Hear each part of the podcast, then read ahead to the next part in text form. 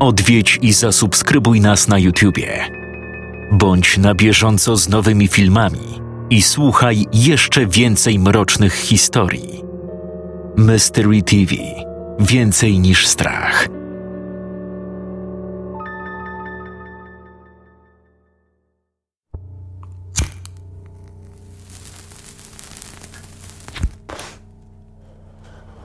Mały, rozżarzony punkcik rozbłysnął momentalnie pomarańczowym światłem, by po chwili rozmyć się w ciemności, kiedy Paul Donovan zaciągnął się papierosem.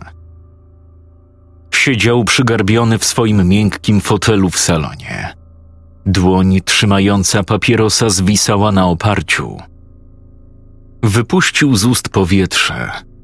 Dym wznosił się i wirował przy suficie – chociaż nie można było dostrzec tego w ciemności. Po krótkiej chwili zawahania chwycił wolną ręką pilot od telewizora i nacisnął włącznik. Mocne niebieskie światło ekranu na początku sprawiło ból jego rozszerzonym źrenicom. Tak duży, że musiał intensywnie mrugać i odwrócić wzrok na kilka sekund. Kiedy oczy przyzwyczaiły się do nowych warunków, Paul zamienił pilot na kontroler od konsoli. Nacisnął włącznik, przytrzymując go przez moment, aż system ruszył. Zaciągnął się jeszcze jeden raz i zgasił niedopałek w popielniczce stojącej na brzegu stolika. Czytnik dysków głośno pracował, wczytując dane gry. Czy przechodzisz do poziomu trzeciego? Wyskakujące powiadomienie dawało mu ostatnią szansę na zmianę zdania. Na początku przesunął drążkiem kursor na odpowiedź nie i pozostawił go tam, zastanawiając się nad możliwymi konsekwencjami dalszej gry. Musiał jednak skończyć to, co zaczął. Miał nadzieję, że doprowadzając rozgrywkę do końca, będzie mógł położyć kres temu szaleństwu. A co najważniejsze, odzyskać syna. Był gotów zrobić wszystko, co konieczne, by bezpiecznie sprowadzić go do domu. Przestawił kursor na opcję z napisem tak i potwierdził wybór.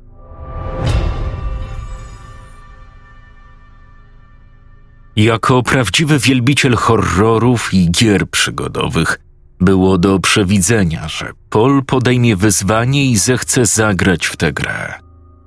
Dowiedział się o niej przez przypadek. Dwa tygodnie temu, kiedy przeglądał forum dyskusyjne na jednej ze swoich ulubionych stron gamingowych. Ktoś zapytał o polecenie najlepszych i najstraszniejszych gier – Paul otworzył wątek, spodziewając się, że ujrzy całą listę dobrze znanych mu tytułów.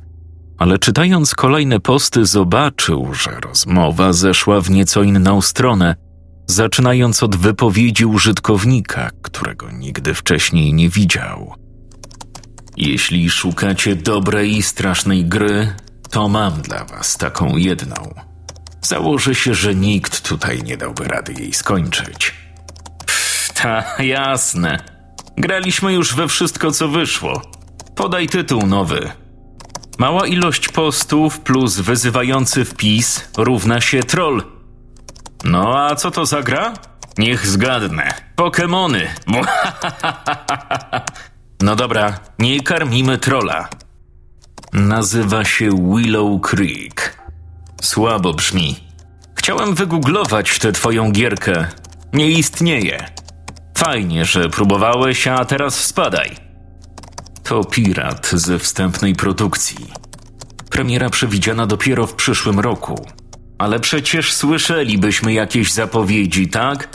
Poza tym, jak niby miałbyś zdobyć coś takiego? Jeny, niektórzy to naprawdę.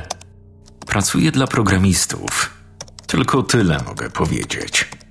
Chcecie zagrać, czy nie? Jaki system? Piszcie na priv. Podeślę w jakiejkolwiek wersji potrzebujecie. W miarę jak Paul zaczytywał się w kolejnych odpowiedziach, rosło w nim zainteresowanie. Zastanawiał się, czy Raven 00 rzeczywiście poprosił tego nieznajomego o wysyłkę gry.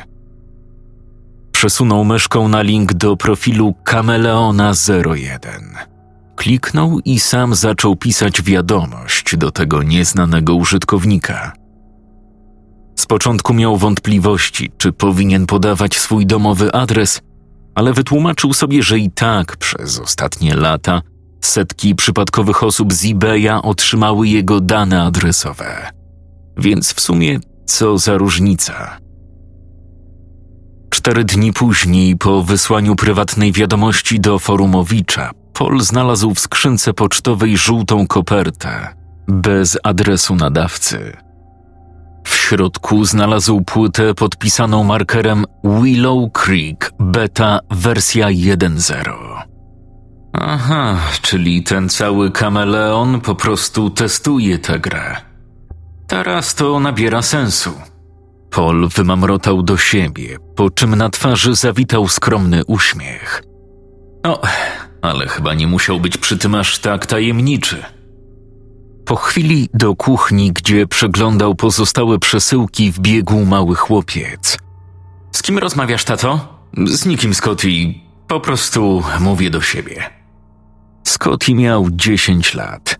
Był wyróżniającym się uczniem, ale przy tym zwykłym chłopcem. Uwielbiał prowadzić niekończące się rozgrywki kolejnych gier wideo, które jego ojciec ciągle znosił do domu. Grali razem w wiele przygodówek, o ile Paul akurat nie uznał, że Scotty jest za młody na daną produkcję i nawet jeśli nie było opcji multiplayer, Scotty bardzo lubił obserwować, jak jego tata rozwiązywał wszystkie zagadki i pokonywał największych twardzieli. Paul doskonale wiedział, że matce Scottiego nie spodobałaby się większość propozycji gier, w które razem grali, ale już od prawie roku nie ma w tej kwestii nic do powiedzenia. Dostaliśmy nową grę, zakomunikował Paul, pokazując Scottiemu płytę. Chłopiec wziął ją od ojca, by przyjrzeć się bliżej. Wygląda jak jakiś fake. Jest w fazie testów. Będziemy jednymi z pierwszych graczy. Ekstra! Możemy zagrać w nią dzisiaj? Jasne. Jak starczy czasu. Najpierw musisz odrobić wszystkie lekcje, zgoda? Ech, dobra. Odpowiedział zrezygnowanym tonem, przypominając sobie, ile zadań czeka na niego dziś wieczorem. Robiło się późno, gdy Scotty odrobił wreszcie lekcję i wpadł do salonu. Błagał ojca, by zagrali w nową grę. Jest już w pół do dziesiątej, kolego. Zaraz musisz iść spać. No proszę, proszę, możemy chociaż zacząć. Dobrze, ale tylko do dziesiątej. Scotty niemal podskoczył z radości. Wyjął płytę i uruchomił konsolę, po czym wręczył ojcu kontroler. Po krótkich napisach tytułowych wyświetliła się lista trzech poziomów. Poziom pierwszy był jedynym dostępnym. Dwa wyższe pozostawały wyciemnione. W tle, za napisami, widniał obraz przedstawiający zamknięte drzwi, widziane od wewnętrznej strony ciemnego pomieszczenia. Przy krawędziach futryny przebijało się jasne światło. O co tu chodzi? Nie wiem dokładnie, ale podobno ma być strasznie, więc możliwe, że będziesz musiał iść spać, jak zrobi się naprawdę groźnie. Scotty wydał głośny jęk niezadowolenia. Paul potwierdził wybór poziomu pierwszego i oparł się w fotelu, czekając na wczytanie danych. Wygląda na to, że jest tylko jeden gracz, więc będziesz musiał przez chwilę tylko patrzeć. A to nic. Po kilku sekundach ładowania wyświetliła się scenka. Paul oglądał właśnie z synem animowaną opowieść, widzianą oczami głównego bohatera, który otwiera przeszklone drzwi i wchodzi do jakiegoś staroświeckiego gabinetu. Na szybie w drzwiach grubymi, czarnymi literami wypisano detektyw Charleston. W tle pojawiła się subtelna, ponura muzyka. Ta scena przypominała Polowi sposób, w jaki rozpoczynało się wiele klasycznych filmów noir.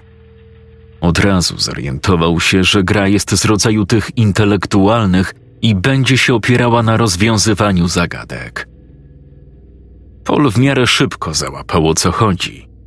Grał jako detektyw Charleston, który poruszał się po wirtualnym miasteczku Willow Creek i szukał w nim wskazówek, które mogłyby pomóc w przebiegu dalszej gry. W misji na poziomie pierwszym została przedstawiona sprawa Jamesa Braxtona, mężczyzny, który pracował na trzeciej zmianie w miejskiej hucie. Pewnej nocy, podczas kłótni ze współpracownikiem, James został wepchnięty do pieca. Napastnik oddalił się z miejsca wypadku. Innych świadków zdarzenia nie było. Paul miał za zadanie znaleźć dowody zbrodni i schwytać mordercę. Podczas jednej bardzo realistycznie ukazanej sceny morderstwa, Paul kazał Scottiemu iść do siebie i położyć się spać. Scotty na początku protestował, jednak wkrótce się poddał. Paul sam dokończył zadanie. Był zadowolony z siebie, gdy policja w końcu założyła kajdanki na ręce zabójcy w finałowej scenie wieńczącej pierwszy poziom. Gra automatycznie zapisała postęp. Nagle zadzwonił telefon Pola. Spojrzał na zegarek. 12.37. Co jest? Obudzisz Scottiego. Halo? Dziękuję, że mnie uwolniłeś. Paul odsunął telefon od ucha i spojrzał na ekran. Nieznany numer. Przepraszam, kto mówi? James Braxton. Kto? James. Z Willow Creek. Rozwiązałeś moją sprawę. Paul był mocno zaskoczony. Zerknął na ekran telewizora, na którym teraz wyświetliło się okno dialogowe. Czy przechodzisz do poziomu drugiego? Serio, kto mówi? I skąd masz mój numer? Mówiłem ci. Jestem James z Willow Creek. Chciałem ci tylko podziękować za rozwiązanie mojej sprawy. Teraz jestem wolny. Zostało mi tylko sześć tygodni do przekroczenia rocznego limitu czasowego. Dzięki Bogu, że się pojawiłeś. Nikt inny nie rozwiązał jeszcze mojej sprawy. Nawet Skąd masz mój numer? Od kameleona, oczywiście. Co do. Wymamrotał Paul. Telefon wysunął mu się z dłoni i uderzył z hukiem na dywan. Otworzył usta, niedowierzając. Spojrzał na komórkę i podświetlony ekran. Wciąż słyszał po drugiej stronie stłumiony głos. Ponownie chwycił za telefon i czym prędzej wyłączył go.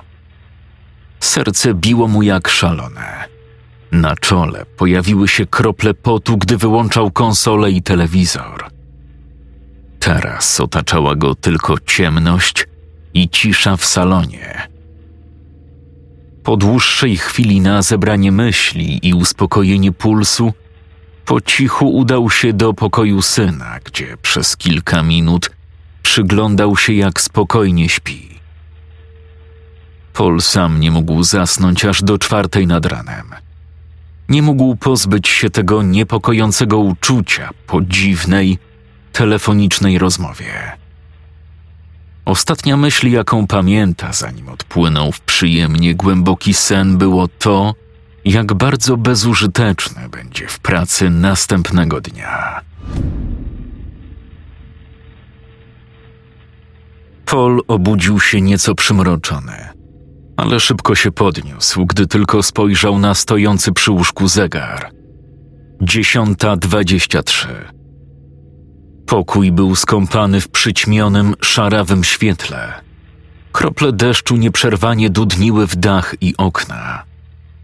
Najwyraźniej przez ten cały chaos, który nastał po ukończeniu pierwszego poziomu gry, Paul zapomniał nastawić budzik. Rzucił kilkoma przekleństwami. Wyskoczył z pościeli i pognał do pokoju Scottiego.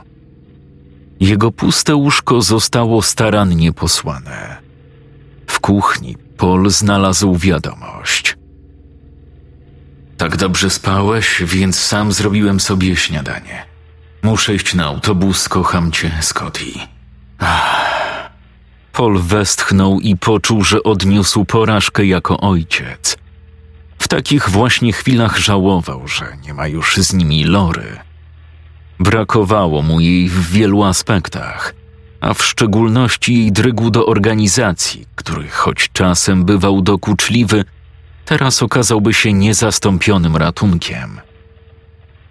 Paul zawiesił na chwilę wzrok w pustej przestrzeni przed sobą, kiedy powrócił myślami do wypadku, który zabrał ją na zawsze.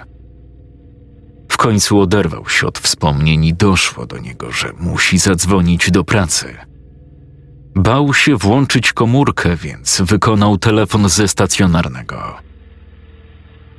Po szybkim śniadaniu długo zastanawiał się, czy powinien kontynuować grę. Wypalił papierosa i jeszcze raz przeanalizował wydarzenia poprzedniej nocy. O ile jeszcze kilka godzin wcześniej ten incydent porządnie go wystraszył, to teraz wydawał się niczym innym jak tylko dziwnym zbiegiem okoliczności z pomylonym numerem. Bardzo dziwnym zbiegiem okoliczności. Ale jak to inaczej wytłumaczyć? Poza tym Paul nie należał do tych, którzy rezygnują w obliczu wyzwania. Musiał dokończyć tę grę. Konsola się włączyła. Płyta poszła w ruch. Ekran tytułowy ustąpił miejsca oknu dialogowemu. Czy przechodzisz do poziomu drugiego? Paul potwierdził, wybierając tak. Następna sprawa dla detektywa Charlestona dotyczyła dewelopera, który odkopał ludzkie szczątki podczas prac przy wyrównywaniu terenu pod budowę. Miejsce, na którym je odkryto, zostało odgrodzone taśmą.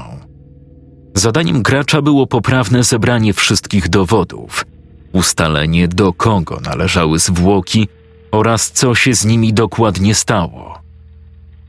Paul był bardzo drobiazgowy w działaniach – Pomyślał o zbadaniu każdego, nawet najmniejszego dowodu. Zebrał próbki DNA. Przesłuchał poprzedniego właściciela terenu, kierownika budowy i operatora koparki, który dokonał odkrycia.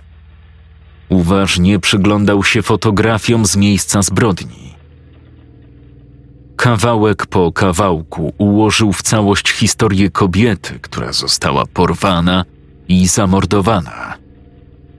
Uprowadzono ją w aucie, potem upozorowano wypadek, aby zatrzeć ślady. Była przetrzymywana w niewoli, aż w końcu porywacz pozbył się jej na dobre, zakopując szczątki na placu budowy.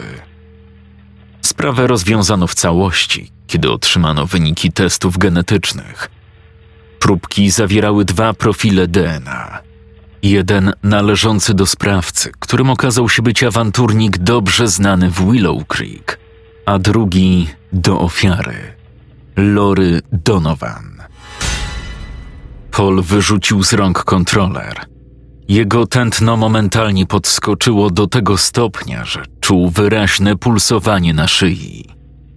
Dzwoniło mu w uszach. Cały drżał.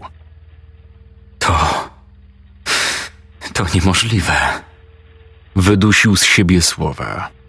W oczach zebrały się łzy. Od razu przypomniał sobie okoliczności śmierci Lory. Samochód całkowicie spłonął. Pogrzeb odbył się przy zamkniętej trumnie. Stało się coś innego? Nie zginęła na miejscu zdarzenia, jak sugerowała gra?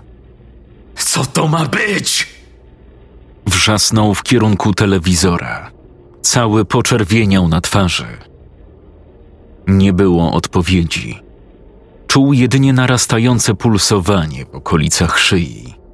Słyszał w uszach każde uderzenie serca. Na ekranie wyświetlał się jedynie komunikat. Czy przechodzisz do poziomu trzeciego?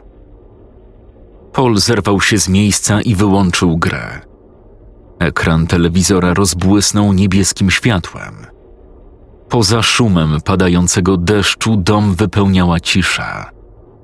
Chodził nerwowo po salonie, usiłując znaleźć jakieś odpowiedzi. Jakim cudem? To nie może być tylko zbieg okoliczności.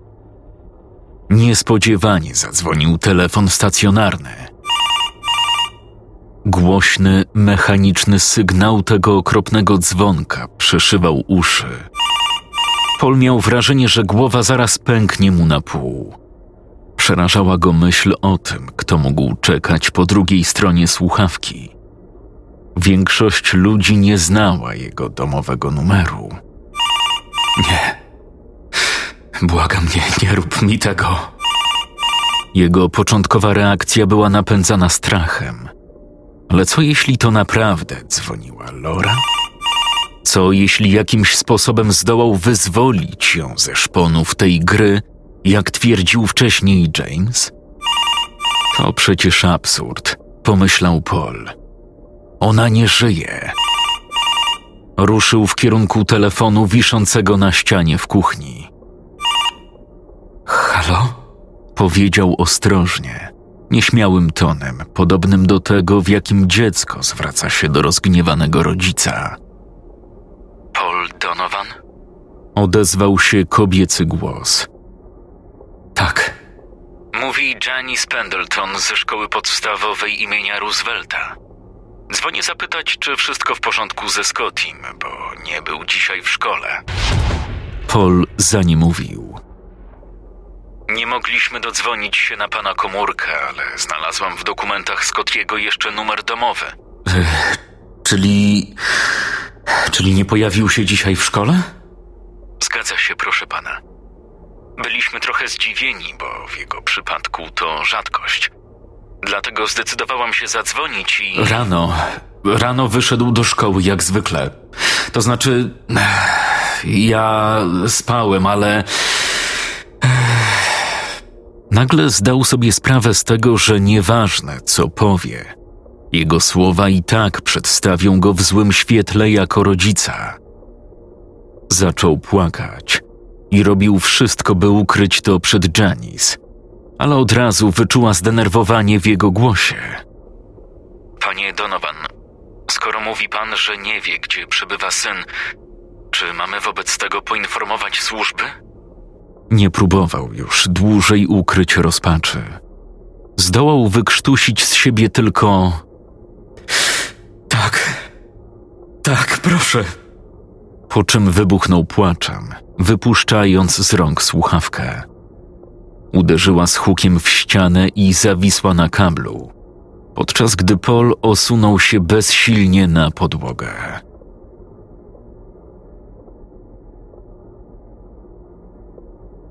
Resztę popołudnia i wieczór Paul spędził na komisariacie.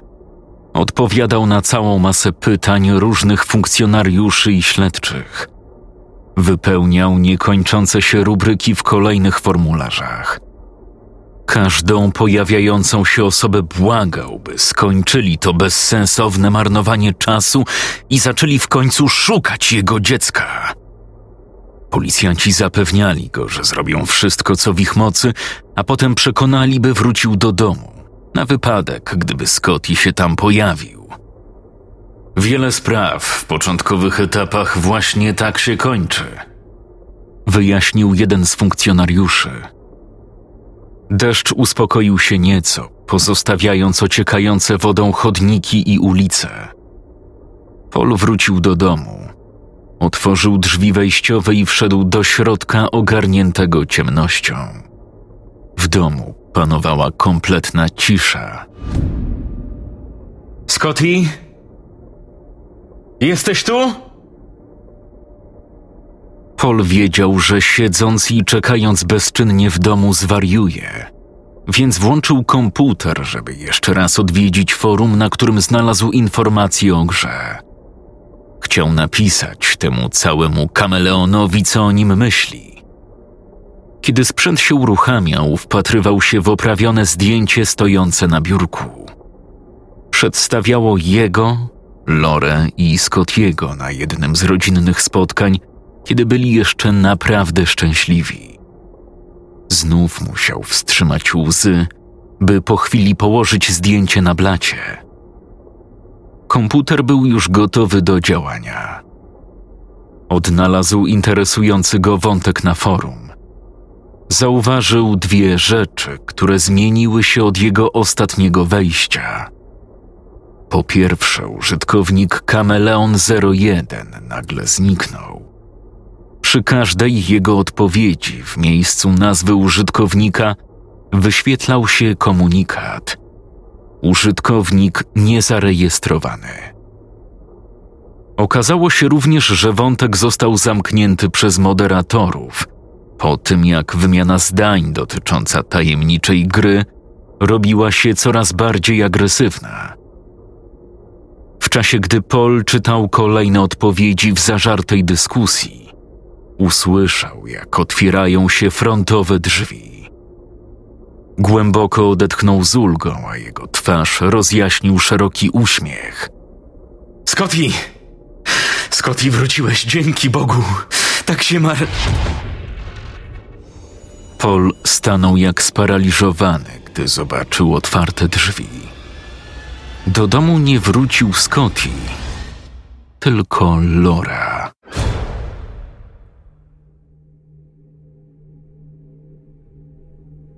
Sporo straciła na wadze i wyglądała na chorą, ale gdy wziął ją w ramiona, od razu poczuł znajome ciepło. Było tak samo kojące, choć minął prawie rok, od kiedy miał okazję doświadczać tego ostatni raz. Trwali w uścisku, stojąc w progu, zanim którekolwiek z nich zdołało wydobyć z siebie słowa. Wreszcie Pol odsunął się, wciąż trzymając dłonie na jej ramionach i zapytał: Lora. To. to naprawdę ty? Ale jak to możliwe? To ja. Uwolniłeś mnie. Jak dobrze znów być w domu. Paul nie mógł znaleźć słów. Przycisnął ją do siebie. Całowali się namiętnie przez kolejne minuty.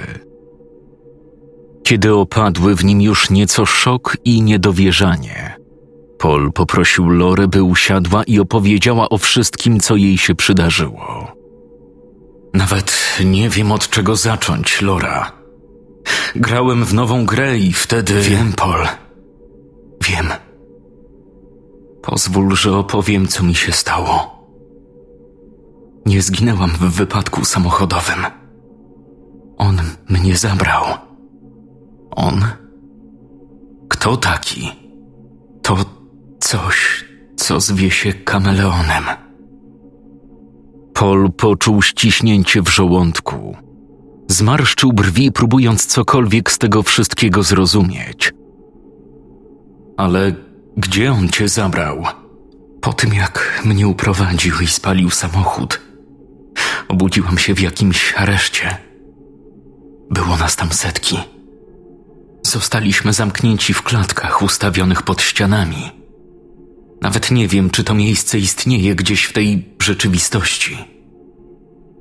Powiedział nam, że jeśli ktoś rozwiąże naszą sprawę w grze, to on odeśle nas z powrotem do prawdziwego świata.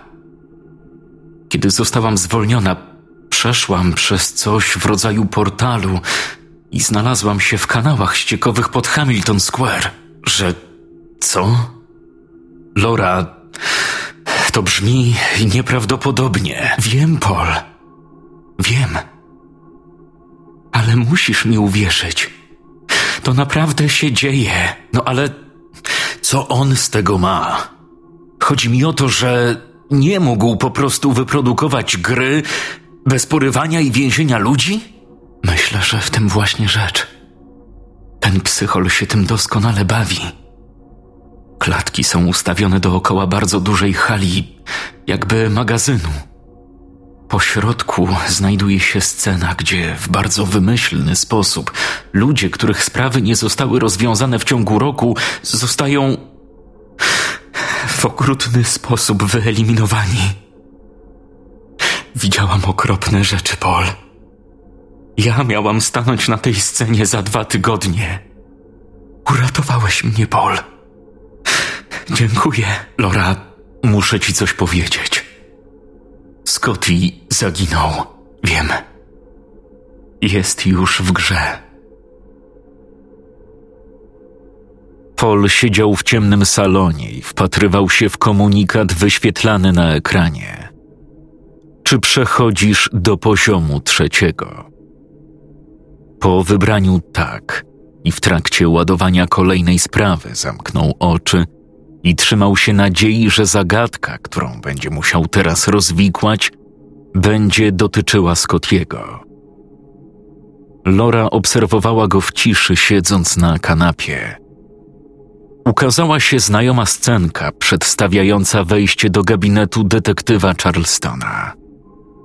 Gdy tylko Paul przejął kontrolę nad grą, otworzył akta ostatniej sprawy i zaczął je analizować. Prawie popłakał się z radości, gdy przeczytał o zaginionym dziesięciolatku. Musiał go odnaleźć i posłać porywacza za kratki. Musi się zaktualizować przez internet. Płyta to tylko wejście do gry. Założę się, że gdybym teraz wrócił do poziomu pierwszego, nie byłoby już sprawy Jamesa, tylko jakaś inna. Jednej z ostatnich ofiar Kameleona. Kiedy o tym mówił, nagle do niego dotarło, że to może trwać bez końca. Od teraz będzie skazany na spędzenie każdej minuty swego życia na graniu w tę grę. Inaczej ktoś może zginąć straszną śmiercią, której on mógłby zapobiec. Sumienie nie dałoby mu z tym żyć. Teraz jednak skupił się na aktualnym zadaniu. Pracował nad sprawą z poziomu trzeciego, tak dokładnie jak tylko mógł. Rozmawiając ze wszystkimi możliwymi świadkami w Willow Creek i zbierając dowody na placu zabaw – gdzie ostatnio widziany był chłopiec. Wkrótce poczuł, że jest w impasie. Nie miał wystarczająco dużo poszlak, by stwierdzić, co się wydarzyło, i brakowało mu pomysłów, jak działać dalej. Co to za sklep, ten niedaleko placu zabaw? Chyba jakiś osiedlowy sklepik. Możesz tam wejść i zapytać? Może mają jakiś monitoring albo coś? No jasne. Paul skierował detektywa Charlestona do sklepu i zaczął rozmawiać z kierownikiem. Chwilę później udało mu się zdobyć nagranie ze sklepowej kamery z czasu zaginięcia. Widać na nim, jak chłopiec zostaje wciągnięty do samochodu. Można było wyraźnie dostrzec tablicę rejestracyjną. Będąc już w swoim gabinecie, detektyw Charleston mógł dzięki temu namierzyć porywacza. Po scenie ukazującej zakucie sprawcy w kajdanki wyświetlił się komunikat gratulujący Polowi rozwiązania sprawy z poziomu trzeciego. A potem czekali. Dom nadal przepełniała cisza. Niedługo później Pol zaczął coraz mocniej odczuwać frustrację. Nerwowo chodził po pokoju. Gdzie on jest? Przecież rozwiązałem sprawę. Bądźmy cierpliwi, Paul. Pamiętaj, że mi powrót tutaj też zajął kilka godzin po tym, jak zostałam uwolniona. Paul pokiwał głową, ale dalej był niespokojny. Wyszedł na ganek zapalić kolejnego papierosa, cały czas wyglądając syna nadbiegającego gdzieś z oddali. Gdy to nie nastąpiło, wyskoczył na środek podwórka przed domem i wyciągając ramiona krzyknął: Oddaj mi syna! Weź mnie zamiast niego! Słyszysz? Weź mnie! Z daleka słychać było szczekanie psów. Pol upadł na kolanach na trawnik. Gdy w końcu podniósł wzrok, zobaczył, jak zbliża się do niego Scotty. Nie biegł tylko szedł wolnym krokiem. Miał uniesioną lewą rękę, tak jakby prowadziła go dużo wyższa, dorosła osoba. Jednak Paul nikogo przy nim nie widział.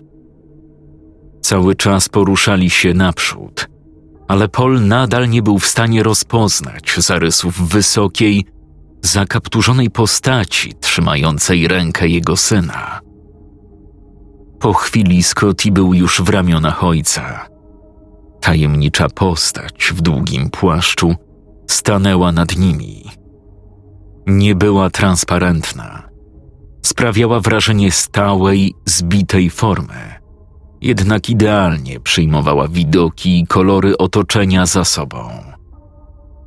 Paul wyciągnął rękę, lecz dłoń zamiast przejść na wylot, jak przez zjawę, napotkała opór przypominający żywe ciało. Nieznajomy stał w ciszy, bez ruchu i czekał. Lora wybiegła przed dom. Scotty! Mama? To ja, kochanie. To naprawdę ja. Kiedy wszyscy obejmowali się na klęczkach i wzajemnie wycierali łzy wzruszenia, Paul zwrócił uwagę na ledwie zauważalną postać w długiej szacie. Miała przynajmniej dwa i pół metra wysokości. Nagle poły jej płaszcza rozwarły się, odkrywając ciemność, która mogłaby się równać tylko z najgłębszą, mroczną jaskinią. Tajemnicza istota zrobiła krok naprzód i pochłonęła pola, zakrywając go płaszczem. Ciszę przerwał tylko krzyk Lory. Nie! Potem wpadła w histeryczny szloch, gdy dotarło do niej, że przed domem została już tylko ona i Scotty.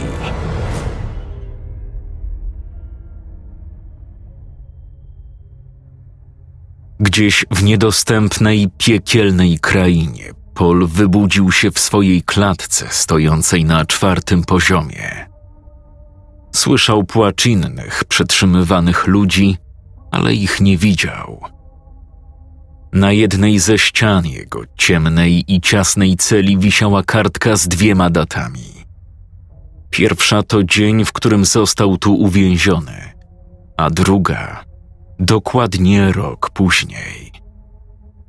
W pewnej chwili usłyszał wyraźne poruszenie na dole, kiedy pewien mężczyzna z nadwagą został doprowadzony przez zakapturzoną postać na scenę na samym środku hali. Więzień został przykuty kajdankami do słupa.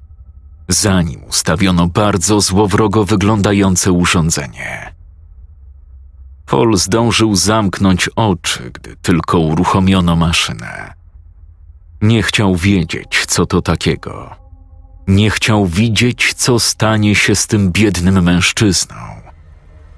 Jednak wrzaski, które doszły jego uszu, już na zawsze zostaną mu w głowie.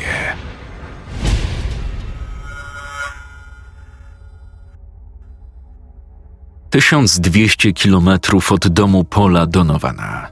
Mężczyzna w średnim wieku w internetowym świecie fanów gier znany jako Raven 00. Otworzył zabezpieczoną kopertę, która leżała na jego kuchennym blacie już od kilku dni. Włożył płytę do konsoli i obejrzał początkowe sceny. Gdy przejął kontrolę, otworzył teczkę z aktami spraw czekającą na biurku detektywa Charlestona. Według relacji świadków, mężczyzna imieniem Paul został wepchnięty pod nadjeżdżające metro przez inną osobę, która następnie uciekła ze stacji. Jako miłośnik gier akcji, Raven 00 nie był cierpliwym graczem. Wytrzymał jedynie 15 minut, zbierając wskazówki, a potem się poddał. To nawet nie jest straszne, oświadczył, po czym wyłączył konsolę.